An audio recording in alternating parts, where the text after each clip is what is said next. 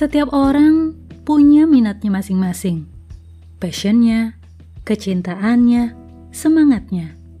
Ada yang di bidang seni, sains, bisnis, dan sebagainya. Kalau hatinya sudah di situ, nggak diminta pun, dengan senang hati akan dilakukan.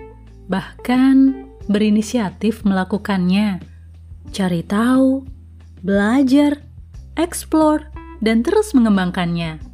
Nggak hanya di suatu bidang, dalam suatu wadah, institusi, perusahaan, atau di mana pun berada.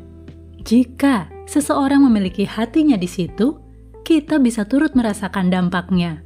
Nggak sekedar ada,